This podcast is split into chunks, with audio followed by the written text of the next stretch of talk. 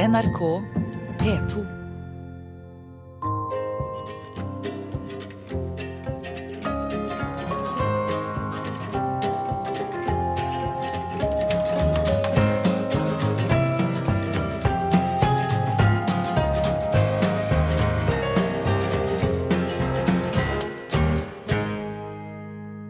Kjære lytter. Velkommen til Sommer i P2. Jeg heter Erik Ulfsby, og jeg har gleden av å være en slags vert denne timen. Jeg skal spille litt musikk, og jeg har tenkt å dele noen, noen tanker med dere. Og da er det vel kanskje på sin plass at jeg aller først sier litt om hvem jeg er. Det er vel ikke mer enn alminnelig høflighet. I øyeblikket så er jeg teatersjef på Det Norske Teatret i Oslo. Det er et stort og et stolt teater som fyller 100 år i år. Det skal jeg komme litt mer tilbake til siden, men jeg skal begynne et helt annet sted. Jeg skal begynne med, med begynnelsen. Jeg er født og oppvokst i Oslo, med norsk far og med nederlandsk mor. Å ha bakgrunn fra andre land enn Norge er jo ikke veldig originalt lenger, i alle fall ikke i Oslo.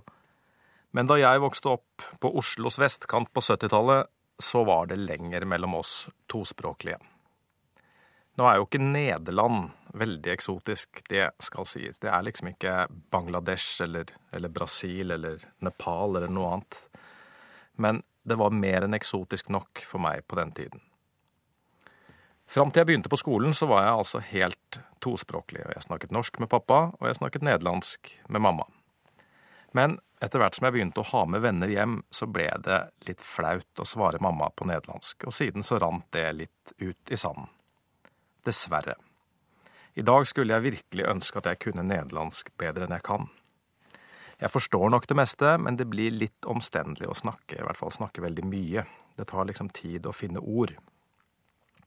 Og sånn er det vel gjerne for, for mange som kommer fra et hjem med flere språk, med flere kulturer. Det er liksom enklest å adoptere det norske, det er mest behagelig å gjøre og snakke det som andre gjør.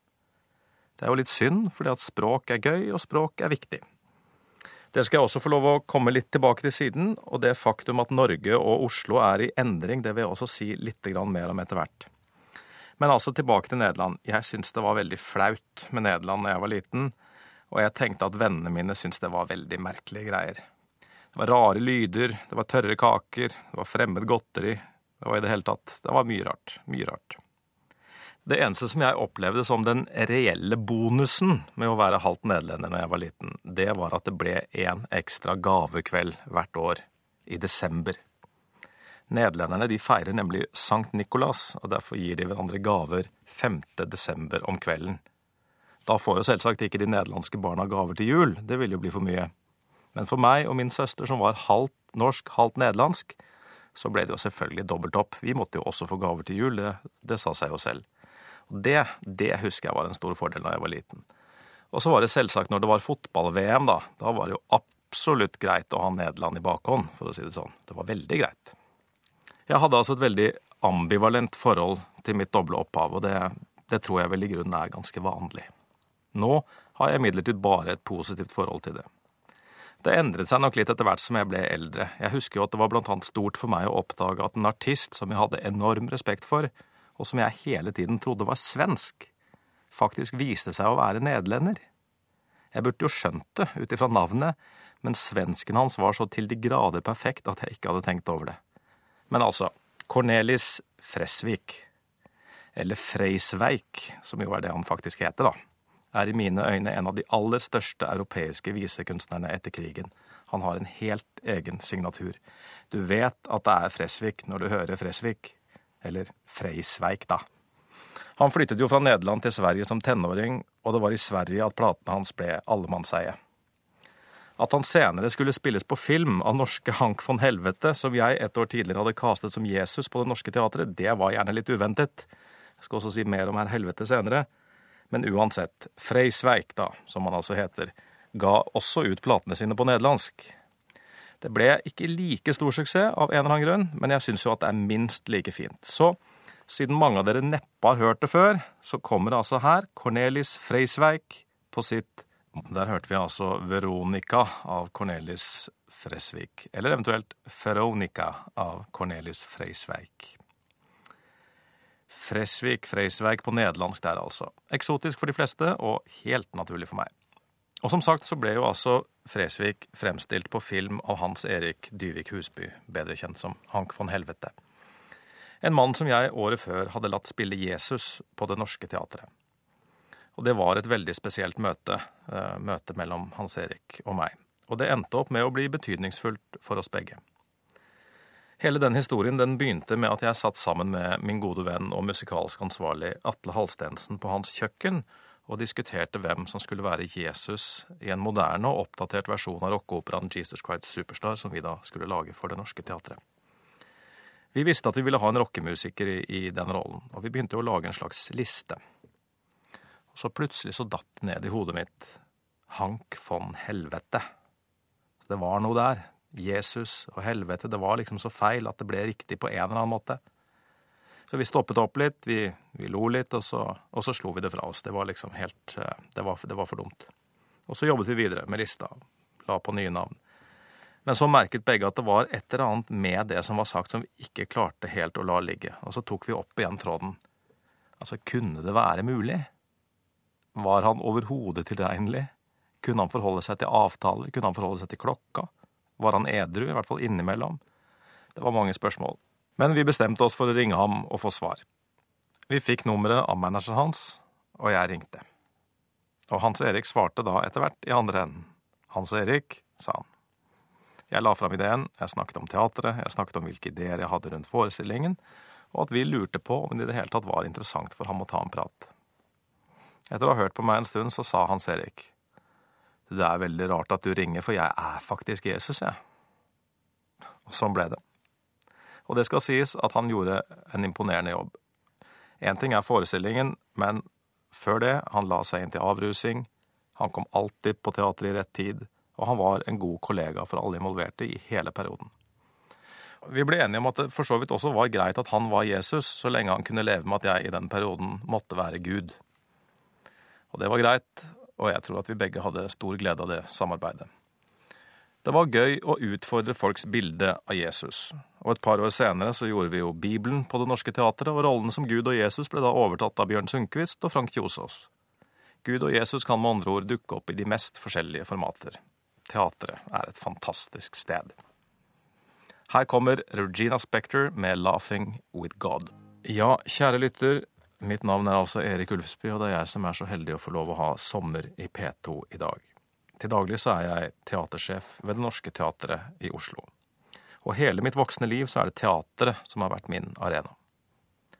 Av og til så grubler jeg på hvorfor det ble slik, og noe entydig svar fins vel ikke. Men nå som jeg har som jobb å lokke flest mulig inn i teatret, så prøver jeg å reflektere over hva det var som gjorde at jeg selv ble så betatt av det. Og jeg tror jeg husker det. I hvert fall noe av det. Det er noe med lys, og det er noe med mørke. Man sitter et sted, det blir mørkt, og så er man et helt annet sted.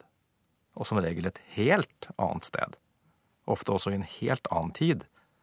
Og i motsetning til på TV eller på kino, så er man der samtidig med de på scenen. Det er ikke laget på forhånd, det skjer der og da. Og det kan gå galt, det kan skje ting som ikke skjedde i går, og som ikke kommer til å skje i morgen. Det er magisk, og det kommer alltid til å være magisk. Teatret er på et vis så umoderne at det alltid vil være moderne. Jeg var mye i operaen da jeg var liten. Min fars kusine sang der, og vi fikk ofte billetter via henne. Og til tross for at jeg ikke skjønte veldig mye av hva de sang, det gjør man for så vidt kanskje heller ikke som voksen, så synes jeg det var magisk hver eneste gang. Ritualene, dirigenten som kommer inn, det er høytidelig, det er respekt, det blir stille noen sekunder. Hva skal skje? Det er forventning i luften. Stillhet. Et par blikk veksles mellom dirigent og musikere. Et par nye sekunder med konsentrasjon. Og så, der var vi i gang. Noe helt nytt oppstår. Det er heftig. Så jeg tror at det var der det begynte for min del, i operaen. I mørket i operaen og for så vidt kanskje også i den enorme legobyen som jeg gradvis bygget opp på et eget stort rom vi hadde hjemme. Fra jeg var fire til jeg var 14 år, så tror jeg ikke jeg ønsket meg noe annet enn Lego til jul og til bursdag. På legopakkene så står det, så vidt jeg husker, fra 4 til 14 år. Og det tok jeg altså helt bokstavelig. 4 til 14 år, ja vel, da sier vi det sånn. Og det var jo Lego jeg fikk, da. Det er jo mulig jeg fikk noe annet også, men i all hovedsak så gikk det i Lego. Og dermed tilbrakte jeg vanvittig mye tid på å bygge opp en egen verden. Det var posthus, det var brannstasjon, togstasjon, det var flere parker, det var alt mulig. Og byen vokste år for år. Og den ble stor. Den ble så stor at den faktisk ble avbildet i et Lego-magasin på et eller annet tidspunkt. Litt urovekkende må det ha vært for foreldrene mine at mer eller mindre hele barndommen ble tilbrakt i en legoby. Men ja, det ordnet seg jo på et vis til slutt. Jeg ble muligens også regissør på den tiden der. Jeg laget nemlig et stort antall kortfilmer med pappas Super 8-kamera fra legobyen. Ranet på posthuset og andre spennende thrillere. Det gikk mye ran, husker jeg. Utrykning fra politistasjonen ga jo alltid nødvendig action. Litt tungvint var det å lage film på den tiden. Ikke bare måtte man flytte ett og ett bein på legomennene, men man måtte altså sende filmen til et spesielt laboratorium i Sveits for å få den fremkalt. Det var nemlig det eneste stedet i hele verden som kunne slikt, og da ble jo gjerne servicen litt deretter. Det tok jo ofte både vinter og vår å få de filmene tilbake. Og noen ganger kom de faktisk aldri tilbake heller. Så kanskje sitter det noen et sted i Sveits og fryder seg over mine dramatiske filmer fra legobyen. Men oppsummert så tror jeg altså at min vei inn i teatret gikk via opera og Lego. Så om noen ønsker å dytte barna sine inn i teatret, så er det kanskje et lite triks der, en pakke Lego og en operabillett til neste jul. Jeg tenker vi må spille litt opera, og hvorfor ikke rett og slett spille fra selveste Carmen? Her hørte vi altså Bryn Terfel gjøre Toriadorens arie fra Carmen, med London Symphony Orchestra og dirigent Barry Wordsworth. Jeg var så heldig at jeg fikk være statist i Carmen på operaen da jeg var 18 eller 19 år, tror jeg. Det husker jeg jeg syntes var kjempegøy. Når vi nå leter etter statister på teatret, så slår det meg hver eneste gang hvor utrolig det er at det er så mange som melder seg. Det kan stå hundrevis av folk i kø for å få lov til å stå på scenen og holde et sverd. Eventuelt kanskje også si vognen er kjørt fram, Deres Majestet, eller lignende godbiter. Og igjen så må det være magien som er svaret. Teatret er magisk og tiltrekningskraften er enorm, ikke minst på unge mennesker. Drømmen om et skuespillerliv er blant de vanligste drømmer unge mennesker har over hele verden. Jeg ble skuespiller, men av en eller annen grunn så var det mer tilfeldig enn resultatet av en drøm. Jeg ble med en kompis på audition til Russerevyen i Oslo i 1989. Den skulle, av alle steder, spilles på Blackbox, og det var så få på audition at alle rett og slett kom med. Men vi som kom med, vi har faktisk vært med på å prege norsk teater og underholdning siden. Kristoffer Schou, som da lagde en mytisk parodi på Børre Knutsen, husker jeg, med noen dukker og en ketsjupflaske som han spruta rundt med. Linn Skåber, som sang en nidvise om Se og Hør. Og Christian Skolmen, som lurte seg selv med, selv om han egentlig ikke var russ før året etter. Og Erlend Skomsvold på tangenter hadde allerede da snedige løsninger på det meste. Det kom omtrent ingen og så på, men vi hadde det veldig, veldig gøy. Etter russerevyen så skulle mange søke Romerike folkeskole, som jeg da aldri hadde hørt om. Men i mangel på gode alternativer så fulgte jeg med, og jeg søkte, og jeg kom inn. Det var et veldig, veldig givende år. Ikke først og fremst teatermessig, tror jeg, men som intens sosial trening. Så får man muligheten, så bør man absolutt unne seg et år på en folkehøyskole. Og på Romerike folkehøgskole så skulle selvsagt alle søke Statens teaterhøgskole. Den hadde jeg da heller aldri hørt om, men igjen så fulgte jeg strømmen og søkte, og utrolig nok så kom jeg inn også der. Og tre år senere var jeg da, litt tilfeldig kanskje, blitt profesjonell skuespiller. Sånn kan det gå. Og som skuespiller så hadde jeg fire fantastiske år i Trondheim og på Trøndelag Teater rett etter teaterskolen. Og for en som hadde tilbrakt hele livet i Oslo, så var det en åpenbaring å oppdage at det faktisk fantes liv også i andre byer. Godt liv, til og med. Jeg ble veldig glad i Trondheim og i Trøndelag, og det er jeg ennå, selv om jeg ikke har bodd her på over 15 år. Én ting var teatret og alle de flotte kollegaene jeg hadde der, men jeg bodde jo altså i Trondheim i storhetstiden til Rosenborg. Og kjærligheten til det laget, den vokste og vokste år for år, og den slipper ikke tak i meg. Nå er det sånn, Rosenborg er laget mitt. Jeg var jo på kvartfinale i Champions League på Lerkendal, mot Juventus, 2-2. Også Nils Arne Eggens legendariske internasjonale pressekonferanser. Nei, men det skal de ha, Real Madrid. De prøvde. Og andre herlige gullkorn. Det var heftig. Det var et fantastisk lag med ni trøndere, hvorav den aller viktigste og beste av dem, Roar Strand, rett og slett ikke ville bli proff. Han var feier i Melhus, og syntes det var mye bedre. Det syns jeg var tøft. Det var andre tider i norsk fotball, og det var gode tider. Og i frostrøyken på Lerkendal i november-desember så var det alltid gåsehud når duoen Torstein Flakne og Dag Ingebrigtsen tuslet rundt banen i de lange skinnfrakkene sine og sang Champions League-sangen sin, med stadig nye vers etter hvert som Rosenborg spilte seg lenger og lenger inn i cupen. Det er en stund siden det nå, og det er en del tapte kamper og for så vidt også en del tapte illusjoner siden. For i dag så kjennes det langt til kvartfinale i Champions League. Men det kan jo ikke skade å gjenoppleve Torstein Flakne og Dag Ingebrigtsen. Det var fint å bo i Trondheim, og det var fint å være skuespiller i Trondheim, på Trøndelag Teater. Noe av det jeg syntes var aller morsomst, det var å lage små forestillinger utenom repertoaret til teatret. Jeg spilte en monolog som het Kontrabassen i mange år, skrevet av Patrick Syskind, han som har skrevet Parfymen for de som har lest den boka og jeg var så heldig at den ble kjøpt opp av ulike festivaler, og til slutt også Riksteatret. Jeg spilte den på Festspillene i Bergen og på Moldejazz, og jeg tror jeg endte med å spille over 100 forestillinger om en ensom tredjebassist i et stort operaorkester som satt hjemme og øvde på de få tonene han skulle spille i løpet av sesongen, mens han drakk store mengder øl og drømte om at stjernesopranen skulle få øye på ham. For ham ble etter hvert bassen en slags kvinne og partner og jeg lærte alle mulige sære og interessante ting om en kontrabassists daglige utfordringer. Noen av dem fikk jeg også erfare på kroppen, blant annet at bassen må ikke bli for kald, den må være riktig temperert. Og det førte til at jeg på turné måtte ta denne enorme bassen med inn på hotellrommet. Og litt avhengig av tilgjengelig plass på rommet, så endte det gjerne med at jeg våknet opp med en kontrabass i dobbeltsenga. Bedre enn ingenting, kan man kanskje si. Uansett, teatersjef på Trøndelag Teater på den tiden, Terje Mærli, han lot meg holde på med disse litt rare sideprosjektene mine. Og sammen med min gode kollega og venn Kjersti Elvik så fikk jeg laget flere små kabareter som jeg hadde veldig stor glede av. Vi oppdaget blant annet den russiske visekunstneren Vladimir Vysotskij.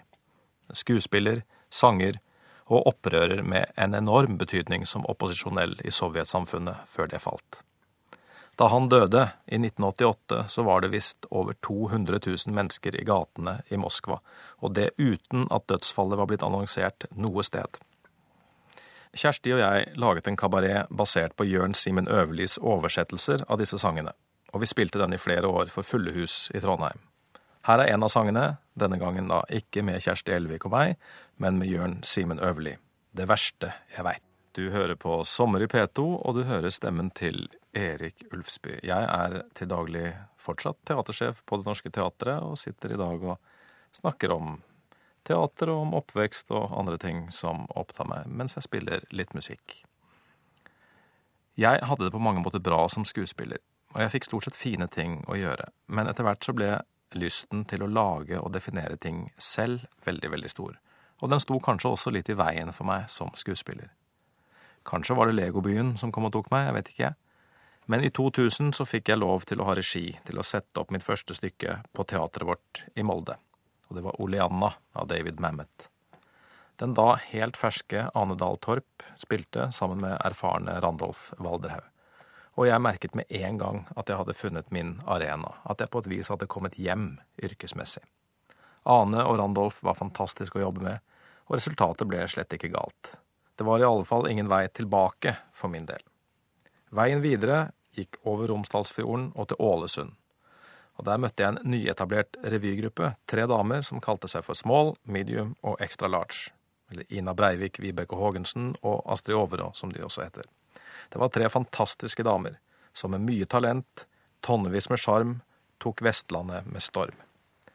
Og jeg husker veldig godt mitt første møte med dem, og grunnen til at jeg husker det, var at det var så befriende annerledes i forhold til alle de profesjonelle skuespillerne som jeg ellers forholdt meg til. Så tro det eller ei, men skuespillere har veldig vanskelig for å ta til seg ros. Om du skryter av en skuespiller, så sier de gjerne noe i retning av Ja, nei, det er et spennende stykke, eller ja, jeg har jo vært heldig som har fått lov til å jobbe med den og den regissøren, eller å, var du der i dag, det var jo synd, det var jo så mye bedre i går, eller lignende. På mange måter forståelig, men sånn er det nå. Men sånn var det ikke med damene fra Ålesund. Jeg kom bak etter å ha sett en ekstremt sjarmerende, men litt rotete forestilling som de hadde laget selv, og jeg sa dere er jo kjempegode, jo. Og de svarte ja, sant vi er bra. Det var herlig. Og senere, da vi sammen jobbet fram en forestilling, så kunne de rett og slett stoppe opp i ren begeistring og si steik, publikum er så heldig som får lov å se oss, altså. Eller steik hvor de kan glede. Jeg har prøvd å ta vare på noe av den begeistringen inn i arbeidet på mer etablerte scener. I øyeblikket jobber jeg med en utrolig morsom forestilling, Shockheaded Peter. Det er en slags junk-opera om barneoppdragelse. Litt Monty Python møter Tim Burton og Margrethe Munthe. Et herlig univers å leke i. Og musikken er ved det engelske kultbandet The Tiger Lilies. Og jeg har lyst til å spille en av sangene fra Shockheaded-albumet for dere nå. På Det Norske Teatret til høsten skal sangene synges av Espen Beranek Holm, men inntil videre så får vi nøye oss med originalen. Her er The Tiger Lilies med Bully Boys. I øyeblikket er jeg altså teatersjef på Det Norske Teatret, og jeg stortrives med det. Det er kanskje et paradoks at en med min bakgrunn, oppvokst i et dalføre på Oslo vest, leder den største nynorske institusjonen vi har. Og jeg skal innrømme at i oppveksten så skrev jeg akkurat det samme på den nynorske ordlisten på skolen som alle andre gjorde. Jeg valgte også bort forestillinger på Det Norske Teatret når vi skulle velge forestillinger å gå på med skolen. Jeg ville jo ikke se teater på nynorsk, hallo. Jeg vet jo nå hva jeg gikk glipp av, og jeg har jo tatt det kraftig igjen. Det Norske Teatret er i mine øyne landets mest interessante teater. Ikke fordi jeg er sjef, eller bare fordi vi lager gode forestillinger og har et fantastisk hus med dyktige medarbeidere i hver krok, men fordi teatrets historie gir virksomheten en ekstra dimensjon. Vi har et formål utover å skape god kunst. Og kraften som følger med det motkulturelle oppdraget, har gitt teatret styrken som følger av opposisjon og trass. Det gir en helt egen energi. Det blir litt motstandsbevegelse over det, litt opprør. Derfor vil vi alltid kjenne på følelsen av å være små, uansett hvor store og sterke vi måtte være. Det norske teatret er skapt i strid, og trives og vokser i strid. Da vi åpnet dørene i 1913, så var det store opptøyer i Oslo. Over 20 000 mennesker var ute i gatene og protesterte. Folk ble arrestert, og det var knivkamper osv. Det var i det hele tatt mye større drama ute i gatene enn det noen kunne klare å skape på scenen i Bøndenes hus. Folk hadde med kniver inn i teatersalen. Det var store politistyrker til stede på de første forestillingene, og det var organiserte pipekonserter fra motstanderne av dette lille teatret som forsøkte å etablere seg midt i selveste hovedstaden. Men Det Norske Teatret lot seg ikke stoppe, og sakte, men sikkert så har man bygget seg opp til den posisjonen man har i dag. Et stort og sterkt teater med ett ben i det europeiske dannelsesteatret og ett ben i den folkelige tradisjonen. Med sin historie og med sitt spesielle språkoppdrag så trenger Det Norske Teatret to bein for å stå støtt. Det folkelige beinet var i de første tiårene den tradisjonelle folkekomedien. Brødrene Østermanns huskors og andre lignende forestillinger trakk store horder til teatret. Etter krigen ble innføringen av den moderne musikalen i Norge det avgjørende bidraget til teatrets vekst. I 1949 hentet teatret sin første musikkteaterforestilling fra Broadway, Oklahoma. Det ble umiddelbart en stor suksess, og det var av enorm betydning, ikke bare for teatret, men også for hele nynorskbevegelsen. Plutselig fikk man populære hits på nynorsk. Det var noe helt nytt. Internasjonale låter som etter hvert bare ble kjent i Norge på nynorsk. Det heter jo om eg var ein rik mann på norsk. Det er vi vel enige om. Og oslofolk de nynnet og de sang nynorsk i dusjen og på trikken. Det var en viktig milepæl for teatret og for nynorsken. Og den aller første av disse hitsene kommer her. Det er fra Oklahoma, og det er selvsagt Å, for ein strålande morgon. Man kan jo prøve å synge Å, for en strålende morgen. Det blir liksom ikke det samme. Her kommer Lasse Kolstad. I dag er Det Norske Teatret et musikkteater i verdensklasse. og vi presenterer både nye norske musikaler og etablerte internasjonale forestillinger på nynorsk for et stort publikum. Og det er et stort privilegium å få lov til å lede en så viktig og flott institusjon. Jeg har noen ganger sagt, litt flåsete, om Det Norske Teatret at vi ble etablert av og for folk som kom utenfra og snakket rart. Og på mange måter så er det riktig. For borgerskapet i hovedstaden så var det definitivt rare folk med rare tungemål som ble etablerte seg i byen. Og grunnen til at jeg har sagt det på den måten, er at jeg vil skape en sammenheng mellom da og nå. I dag ser Norges hovedstad helt annerledes ut, men oppgaven med å skape en arena for folk som kommer utenfra og snakker rart, er minst like viktig. Derfor har vi på Det Norske Teatret etablert det vi kaller Det multinorske. Det er et prosjekt som forhåpentlig vil fortsette teatrets tradisjon med å skape arenaer for det nye, og for folk som, ja, snakker rart. Det multinorske består av Den mangfaldige scenen, som er et breddetilbud til hundrevis av barn med en annen bakgrunn enn norsk, og av Elevskolen på teatret, der fire elever får en treårig skuespillerutdannelse og deretter ansettelse på teatret. Hundre år er gått, men på mange måter så er oppgaven vår den samme. Det nærmer seg slutten på denne sommertimen. Men før jeg avslutter, så må jeg ha med én norsk artist som har betydd mye for meg, nemlig Jan Eggum. Jeg oppdaget Eggum da jeg gikk på folkehøyskole, og han har fulgt meg siden. Det er på mange måter soundtracket til mitt voksne liv. For meg er Jan Eggum den fremste av mange gode norske visesangere. Og i 2005 så var jeg så heldig at jeg fikk lage en forestilling på Den nasjonale scene i Bergen, ene og alene basert på Eggums katalog. Etter samtaler og dialog med Jan så fikk jeg med meg 16 CD-plater på ferie den sommeren. Jeg har de i bilen ennå, men nå er de så ripete at jeg bare hører fragmenter. Men jeg har hørt dem opp og ned, og jeg har virkelig latt meg imponere over hans skarpe observasjonsevne og originale melodier. Eggum skriver musikalske noveller, og i likhet med Fresvik så blir vi kjent med personer og med skjebner. Og for meg som driver med teater, er historier og skjebner det som interesserer mest. Fresvik skriver om personliga Persson eller Fredrik Åkare, Cecilia Lind eller hønan Agda. Eggum skriver om hun som fikk en telefon, eller han som jobber på fabrikken. Han som nesten ikke var til stede, eller som her, om hun som står og drømmer på en bensinstasjon. Tusen takk for følget denne timen. Riktig god sommer. Her kommer Jan Eggum med Ta meg med.